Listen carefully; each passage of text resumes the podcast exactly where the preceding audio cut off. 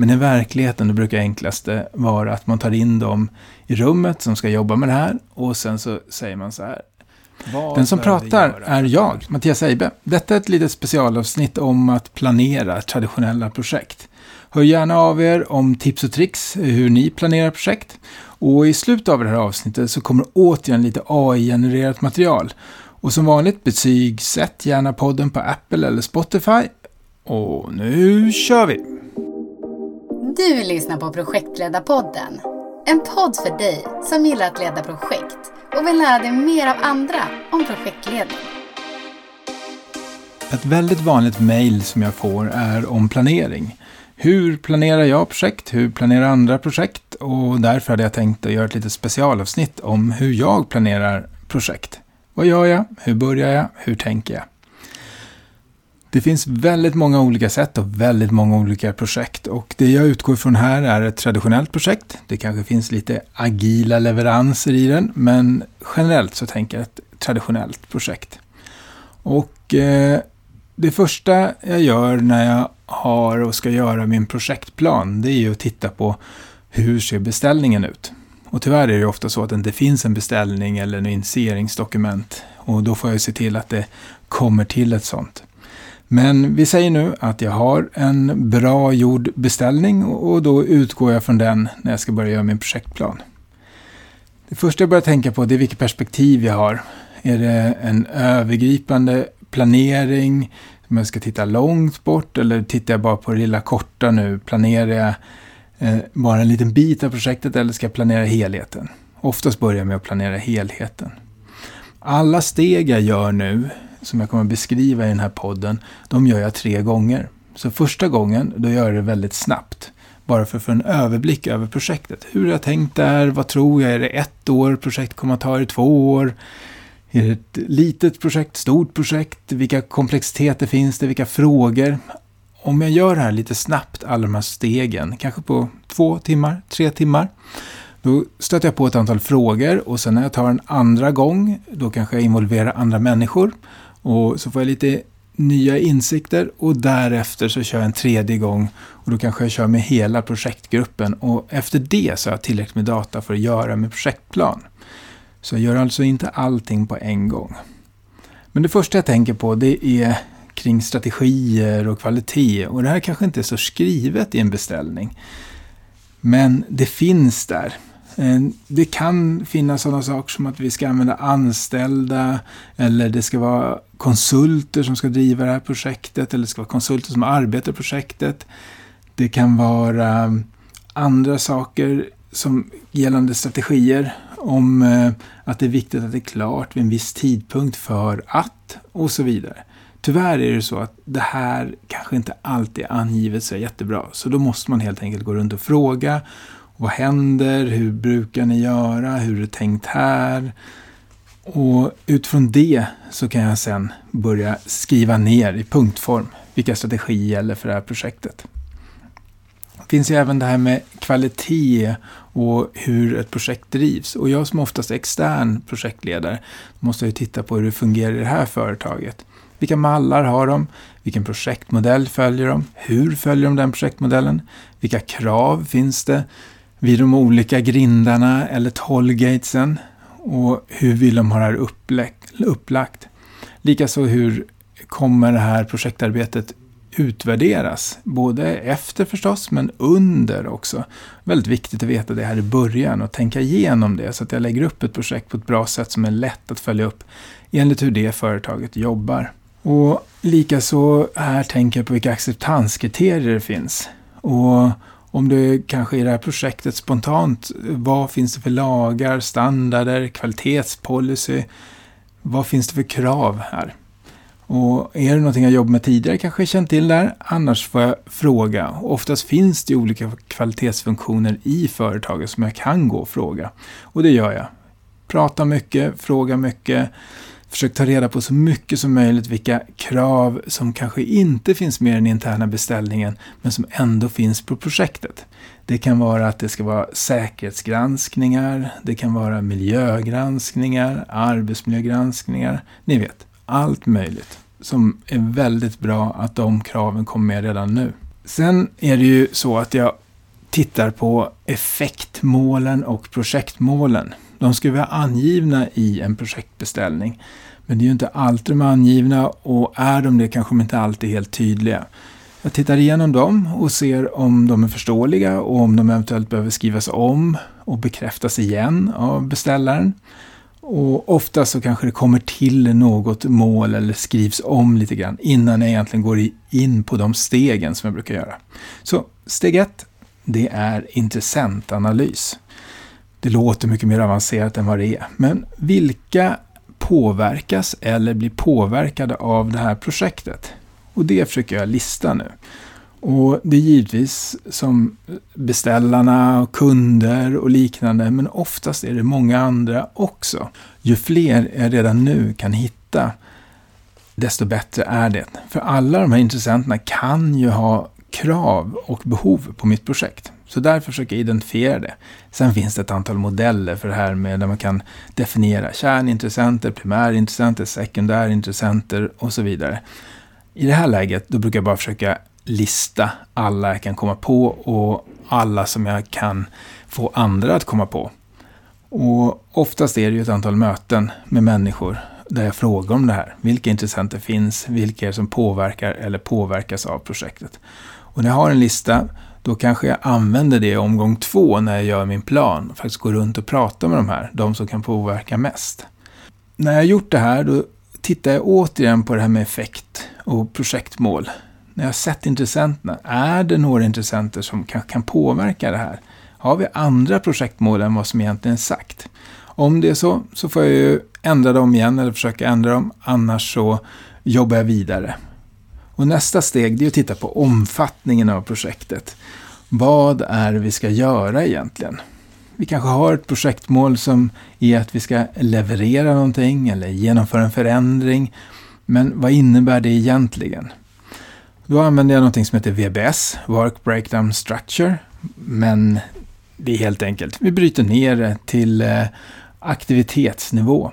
Och det låter mycket mer avancerat än vad det är och jag antar att de flesta av er gör här. Det är helt enkelt gula lappar, ner på aktivitetsnivå och utifrån det så bygga upp någon typ av struktur. Den här strukturen, den är lite beroende på hur jag tänker mig att det här projektet ska organiseras senare. Och som ni märker, allting beror ju på allting. Så att man får ha en liten hypotes här och sen kanske man får ändra den. Men jag gör det här, jag utgår från projektmålet och sen försöker jag identifiera olika områden eller huvudpaket. Och så bryter jag ner de områden till aktiviteter eller arbetspaket och sen efter arbetspaket bryter jag ner till områden. Samtidigt så kommer det dyka upp frågetecken. Ska vi verkligen göra det här? Eller det här är vi helt säkra på att vi inte kommer göra. De skriver jag också upp. Så avgränsningar är jag väldigt tydlig med och sådana som ligger i gränslandet. Jag låter även senare när vi gör planeringen, om jag har delprojekt, då låter jag delprojekten göra exakt samma övning och gör det här. Och då, de delarna där de säger att det här kommer vi inte göra, då låter jag dem prata med andra delprojekt och diskutera. Vill, vad kommer ni göra? Vad kommer vi göra? Och försöka handskaka mellan. Och sen tar jag hand om de sakerna som, jag, som de inte har kunnat lösa sinsemellan. Så att bara de avgränsningarna som delprojekten inte har kunnat komma överens om att någon annan inom projekt ska göra, de tar jag hand om i min plan och försöker reda ut vem ska göra. Kanske ska vi inte göra det alls.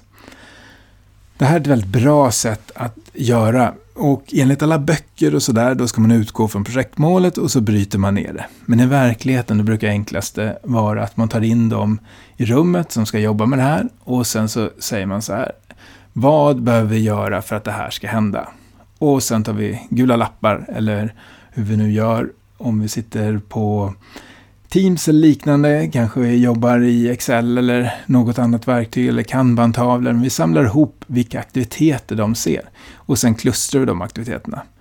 I böckerna står det att man ska börja uppifrån, men oftast är det enklast att börja på aktivitetsnivå och fråga vad är det vi behöver göra och sen klustrar man och bygger det uppåt i olika grupperingar. Vilken nivå ska man då ha de här aktiviteterna på? Ja, det beror ju på vad man ska göra. Ska du göra en eh, en hjärtoperation, då kanske vi är nere på sekundnivå. Men om vi säger ett normalt projekt, eh, sådana projekt som jag håller på med, kanske förändringsprojekt, IT-projekt eller till och med byggprojekt. då skulle jag säga att ner på en arbetsvecka ungefär. Det kan vara rimligt i, den här, i det här läget om det inte är ett alltför stort projekt att bryta ner till den nivån. Kanske lite större och så får vi göra ytterligare en nedbrytning senare.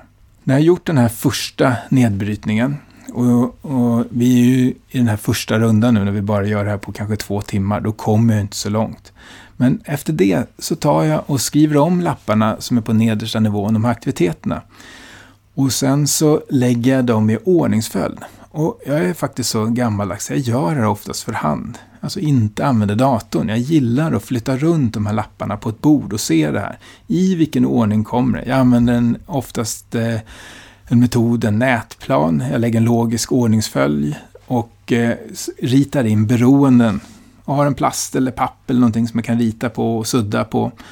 Och sen ser jag vilka beroenden jag har mellan alla de här lapparna. Och det jag brukar upptäcka då, det är att vissa lappar kanske behöver delas upp i flera. För vi måste bara göra första delen innan vi kan börja något annat. Och på det här sättet så kan jag hitta bästa vägen och hitta ungefär hur lång tid det tar. För att det är dags nu att börja fundera på hur lång tid tar aktiviteterna? Och i det här läget, då är det väldigt grovt. Jag vet ju inte ens vilka resurser jag har och hur de ska jobba, utan jag gissar lite grann. Vad kan det här ta i kalendertid? Det kanske tar en vecka, kanske tar två veckor, kanske tar fyra veckor. Och jag kan ju också fråga andra som har gjort det här tidigare. Eh, framförallt i runda två eller runda tre när jag gör det här. Då är det definitivt så att de som ska göra jobbet, de får tala om hur lång tid det tar. Men i den här första rundan, då gör jag bara mina grova, ofta felaktiga gissningar för att få en bild av, är det här ett halvårsprojekt, är det ett ettårsprojekt eller ett tvåårsprojekt? Eller vad är det för någonting? Jag tittar också generellt på resursplanering. Jag tänker på hur ligger semesterperioder och, och hur tänker vi gällande effektiv tid kontra kalendertid? Hur jobbar det här företaget? Kommer jag få heltidsresurser? Eller, och är de verkligen heltidsresurser eller är det resurser som kallas heltidsresurser men de ska göra sitt vanliga linjearbete samtidigt. Det här påverkar lite grann hur jag tror att projektet kommer att gå. Därefter, efter jag gjort min nätplan, då eh, tar jag in det här i typ MS Project eller Excel. Om det är ett litet projekt, Excel. Om det är ett större projekt, MS Project ett riktigt stort och avancerat projekt, då brukar jag faktiskt ta hjälp av någon som lägger in det här i, i typ MS Project eller något annat tidplaneringsprogram. Det som görs då är ett Gantt-schema. Ett Gantt-schema som jag sedan lägger in beroenden i. Det är lite olika här hur jag gör. Ibland lägger jag inte in beroendena för att det är så lätt att de här schemana hoppar runt eh, efter man har lagt in beroenden och att MS Project får någon idé om att oj, nu ändrar de här, då ändrar alla andra saker också. Och ja, visst, det, man har ju koll på det, men det är inte alltid MS Project gör exakt som man vill och att man upptäcker det, att den hoppar eller flyttar någonting. Så att ibland lägger jag inte ens in alla beroenden när jag lägger in det här som ett Gantt-schema. Det jag tänker på också här det är att, att göra något liknande i eh, PowerPoint fast på väldigt översiktlig nivå så jag kan kommunicera med min styrgrupp. Men där är jag mer på milstolpenivå. 5 till 10 milstolpar, oberoende hur stort projektet är, som jag kan kommunicera med styrgruppen. Det gör att jag slipper kommunicera varje liten aktivitet som kanske har blivit sen eller att vi har fått andra problem, utan jag kommunicerar mina milstolpar och säger att ja, Eh, ni kanske hörde i korridoren här att vi blev sena, men mm, vi håller nästa milstolpe. Vi kommer, kommer kunna jobba ikapp det. Då behöver jag inte vara inne på detaljerna kring de här bitarna. Jag tänker givetvis på Slack här också. Försöker ha lite buffertar. Och än är vi på väldigt eh, hög nivå med gissningar. Så att det gäller att ta i lite, lite till här än vad man kanske tror. För det kommer att dyka upp saker när vi fortsätter med det här. Jag lägger även in eventuella beslutspunkter och det skiljer sig från milstolpar. Milstolparna det är ju mina som projektledare, mina punkter som jag använder för att hålla koll på det och kunna kommunicera det. Men beslutspunkterna, det är ju någonting som beställaren eller styrgruppen har mellan faserna, mellan planering och avslut och sen kanske vi har några beslutspunkter däremellan. Oftast lägger jag ju givetvis en milstolpe någon vecka innan vi har en beslutspunkt så att vi levererar och sen har jag en tid att göra ordning underlaget innan det är dags för beslutet. Ibland i vissa projekt så lägger jag även in leveranser. För det kan ju vara så att under projektet så kommer vi ha leveranser och då tydliggör det vad vi kommer leverera till vilka och när. Och det gör jag redan nu, lite grovt. Sen så är det dags, och nu är vi fortfarande inne på den här två timmars rundan av projektet. Det är dags för att göra någon typ av projektorganisation. En projektorganisation ser oftast ut så att vi har någon beställare allra överst, projektbeställare, ibland kallas det sponsor. Och den tar oftast en styrgrupp till sin hjälp och Eh, där de utser en projektledare och sen kanske vara delprojektledare och projektmedlemmar. I alla fall i teorin ser det ut så här. I verkligheten så brukar det vara så att det finns även kanske några agila team, det finns lite linjer som levererar, det finns andra projekt som levererar till mitt projekt och andra beroenden som är väldigt svåra att få in i vad är egentligen mitt ansvar, hur ska jag kunna leverera det här? Men jag försöker i alla fall rita upp en projektorganisation, tydliggöra vad jag har ansvar över, vilka leveranser har jag, vilka kan jag styra över. Och sen även om det är agila team som ska leverera så ritar jag även in dem i den här projektorganisationen. Sen är det dags att börja titta på en kommunikationsplan. Och det låter ju lite konstigt kanske att man gör det redan nu, men lite grovt sett så ritar jag upp en kommunikationsplan utifrån vilka intressenter vi konstaterar där vid första steget, när kommunikationsplanen just nu, den är väldigt, väldigt grov. Den är ju på nivån att ja, de här ska kommunicera mycket med, de här kanske inte behöver kommunicera med och de här ska kommunicera med i slutet. Budget, ja, den är det verkligen dags att göra nu. Grov gissning, vi har ungefär kalendertiden som vi tog fram när vi gjorde Gantt-schemat, när vi gjorde tidplanen. Jag lägger in resurser, vad jag tror att det här är kanske två personer, det här är kanske en person, det här är kanske tio personer. Och eh, ibland använder jag mig i det här läget av någon typ av burn rate. Att jag tror att projekt i, den här, i det här läget det kanske kostar 100 000 kronor per vecka eller per månad eller per dag eller liknande. Och så räknar jag grovt ut vad den totala budgeten kan bli. Jag tittar givetvis också på andra liknande projekt, vad det har kostat. Därefter så är det riskhantering. Och eh, de riskerna som har dykt upp nu medan jag har gjort det, de har jag givetvis satt som små lappar eller skrivit i mitt lilla Excel eller vad jag använder för riskhantering. Och eh, de går jag nu igenom och försöker göra en liten gissning av hur stora och hur små de är och eh, vad de har för påverkan och eh, vad det är för sannolikhet på dem. Väldigt grovt i det här läget, men jag bildar mig själv en uppfattning om de här och kanske är det saker som vi kan eliminera genom att planera lite bättre. Senare i projektet, när jag gör den andra omgången, när jag gör med mina delprojektledare eller med andra, då kanske jag använder miniriskmetoden eller bara en eh, graf där jag sätter sannolikhet på en lodräta och konsekvens på en vågräta och så sätter vi lapparna där utifrån varandra eh, vilka det är som har högst konsekvens och högst sannolikhet och de försöker vi givetvis eliminera. Och de som kanske har lägst sannolikhet och lägst konsekvens, de kanske vi är tvungna att acceptera i det här läget. Och sen andra kanske vi är tvungna att planera åtgärder för. Och genom att sätta upp det som i en matris eller som i en eh, graf, då kan vi slippa att sätta exakta värden på det, utan då värderar vi dem gentemot varandra. Och det kan vara lite lättare i det här läget. Sen så är det ju dags att vi är klara. Nu har vi fått ihop allting. Nu har jag gått igenom alla stegen. Det är bara det att nu gjorde det på två timmar. Så nu är det dags att involvera alla de här i min intressentanalys, eller kanske inte alla, men de jag tycker ska involveras i att göra planen. Det här gillar jag att ha som sagt, om det går att träffas så är det bästa. Annars får man ta det digitalt. Men då går jag igenom de här stegen igen och då har jag ju redan gjort det här en gång. Jag kanske inte visar upp mitt resultat, men jag har det i bakhuvudet i alla fall. Och sen så får jag ett nytt resultat när jag gått igenom det här och intervjuat folk, pratat med folk, låter dem göra workshoppar. Och då gör jag det en tredje gång och då kanske det utökas med ännu fler personer som får tycka till och ännu mer detaljerat. Och därefter har jag underlaget för att faktiskt sätta mig ner och skriva ner min projektplan. Och en projektplan brukar oftast bestå av en inledning och sen så repeterar vi projekt och effektmålen och eventuellt har vi ändrat dem från det vi fick i vår beställning. Sen beskriver jag omfattningen, vad är det vi ska göra och gärna beskrivet i några lättfattliga ord för att sen vara lite mer detaljerat och kanske ha bilagor. Och sen beskriver jag omfattningen också, vad är det vi inte ska göra det vill säga våra avgränsningar, och gör det väldigt, väldigt tydligt.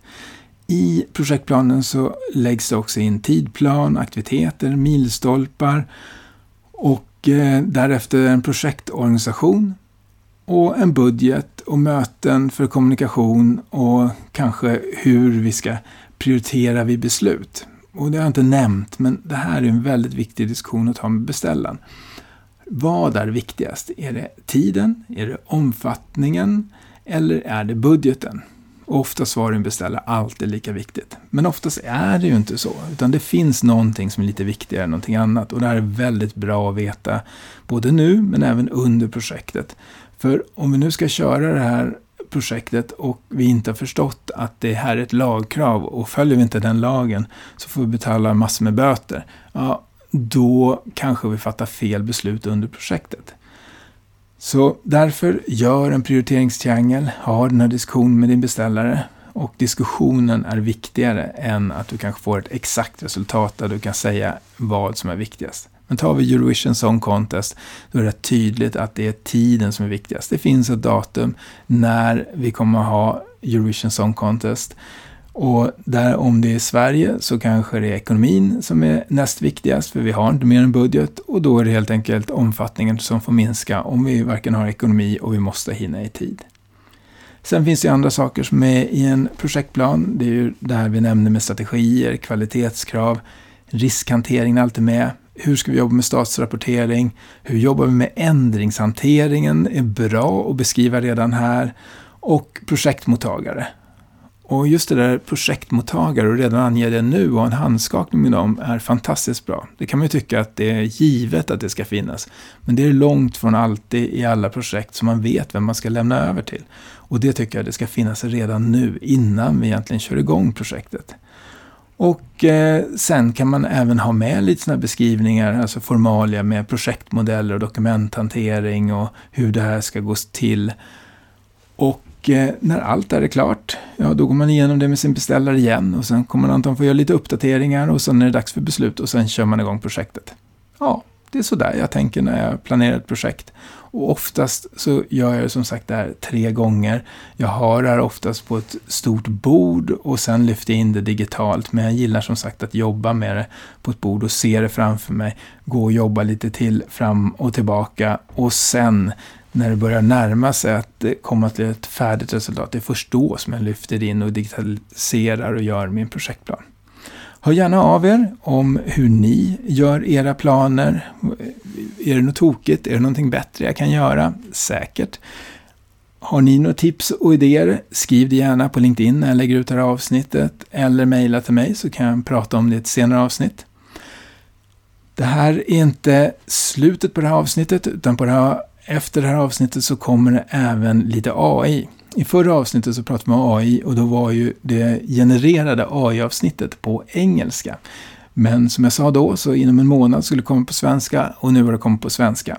Så eh, igen så levererar vi en fem minuters podd om projektledning som är lite styltig, men den är på svenska. Det är lite Twin Peaks-anda, det ska föreställa en radio. Och det enda som en människa har gjort med det här avsnittet är att skriva Vi vill att ni pratar om vad projektledare bör veta om AI. Och så gör de det i fem minuter. Och allt är uppgenererat, och allt det här är uppgenererat automatiskt. Jag tycker det är häftigt. Och det blir bara bättre och bättre. Stort tack för att ni lyssnade på det här avsnittet. God afton Whispering Pines. Här har ni vår PRM 88.5 och er värd för kvällen, Dante Emberwood. Ikväll så dyker vi djupt in i det okända, det artificiella, det vi kallar AI.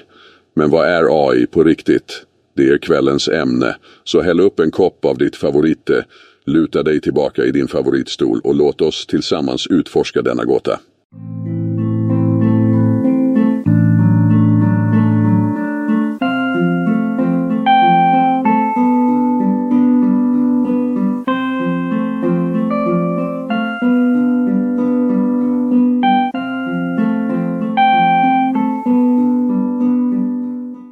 Första gäst ikväll är Lars, en projektledare från ett lokalt teknikföretag. Välkommen till programmet Lars. Hej Dante. Jag är fascinerad av AI men jag har svårt att skilja det från traditionell mjukvara. Kan du klargöra det för mig? Visst kan jag det Lars. Traditionell mjukvara följer specifika instruktioner som människor har programmerat. AI, å andra sidan, och i synnerhet maskinlärning, lär från data och förbättrar sin prestanda med tiden. Härnäst har vi Lena, vår stadsbibliotekarie. Vad har du på hjärtat, Lena? Jag är orolig för den mängd data som behövs för att driva dessa AI-system. Var ska vi få all den data ifrån? Och det är en mycket bra fråga, Lena. Beroende på hur man vill använda det kan maskinlärningsmodeller behöva mycket data för att kunna tränas effektivt. Dock finns det tekniker som transfer learning eller few shot learning som kan användas med mindre datamängder. Men Dante, finns det inte integritetsfrågor med att använda så mycket data? Absolut, Lena. Integritet är en stor fråga. Och det är viktigt att AI-system byggs med respekt för integritet redan från början. På tal om integritet är det dags för en snabb offentlig tillkännagivelse. Kom ihåg Whispering Pines. Denna lördag är det dags för vår årliga städdag. Låt oss alla hjälpas åt och hålla vår stad vacker.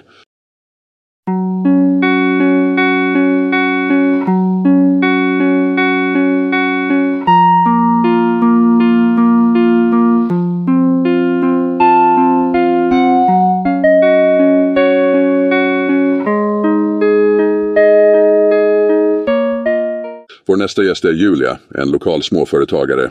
Julia, vad har du på hjärtat? Tack Dante. Jag driver ett litet bageri och har tänkt på att använda AI för att effektivisera vissa processer. Men jag är orolig för säkerheten. Är AI säkert? Säkerheten för en AI-lösning beror på hur den implementeras och används, Julia. Det är viktigt att ta hänsyn till både tekniska och etiska aspekter när man använder AI. Jag är inte säker på att jag förstår allt det där, Dante. Det låter komplicerat. Det kan vara komplicerat, Julia, men det finns experter som kan hjälpa dig att implementera AI på ett säkert och effektivt sätt. Nu är det dags för en annan offentlig tillkännagivelse.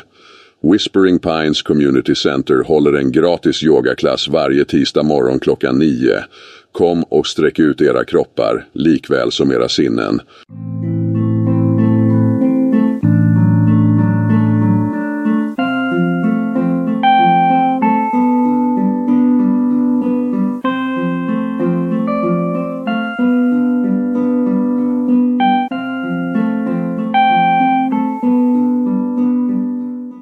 Vår sista gäst för kvällen är Anders, en lärare på Whispering Pines gymnasium. Anders, vad har du för fråga? Hej Dante! Min fråga handlar om påverkan av AI. Hur kan det påverka vårt samhälle? AI har potential att automatisera och förbättra uppgifter, ge insikter från data, skapa nya tjänster och produkter och till och med förändra affärsmodeller, Anders. Men det är viktigt att förstå potentialen och begränsningarna i varje specifikt sammanhang. Jag förstår. Så det är som vilket verktyg som helst. Det beror på hur vi använder det. Precis Anders, mycket väl uttryckt. Innan vi avslutar för kvällen har vi ett sista offentligt meddelande. Kom ihåg att anmäla er till Whispering Pines årliga löpartävling som äger rum nästa söndag. Alla åldrar och förmågor är välkomna. Kom och stöd vår vackra stad och dess invånare.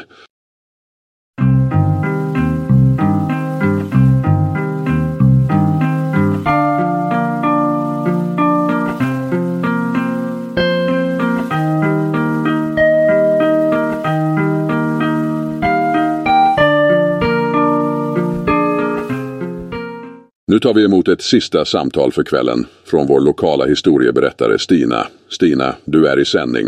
Tack Dante. Jag tycker att det här med AI är otroligt spännande. Jag undrar bara över alla de utmaningar vi kan stöta på när vi implementerar AI. Utmaningar kan inkludera datainsamling, val av modell, tekniska begränsningar, etiska överväganden och behovet av att utbilda personal, Stina. Det är viktigt att projektledare ställer dessa och andra relevanta frågor när de överväger att införliva AI i sina projekt. Tack för ditt svar Dante. Det ger definitivt mycket att tänka på. Det vad vi är här för, Stina. Tack för att du ringde in. Det var allt för ikväll, kära lyssnare. Tack för att ni stämde in på VPRM 88.5. Jag är Dante Emberwood och önskar er en drömlik natt i Whispering Pines. Förbli nyfikna, tänkande och som alltid, stanna kvar. Tack för att du har lyssnat på Projektledarpodden. Hör gärna av dig till oss med idéer, tips och förbättringsförslag. Det gör du enklast via mejl på lyssnare snabel-a projektledarpodden.se eller vid det sociala nätverk du föredrar.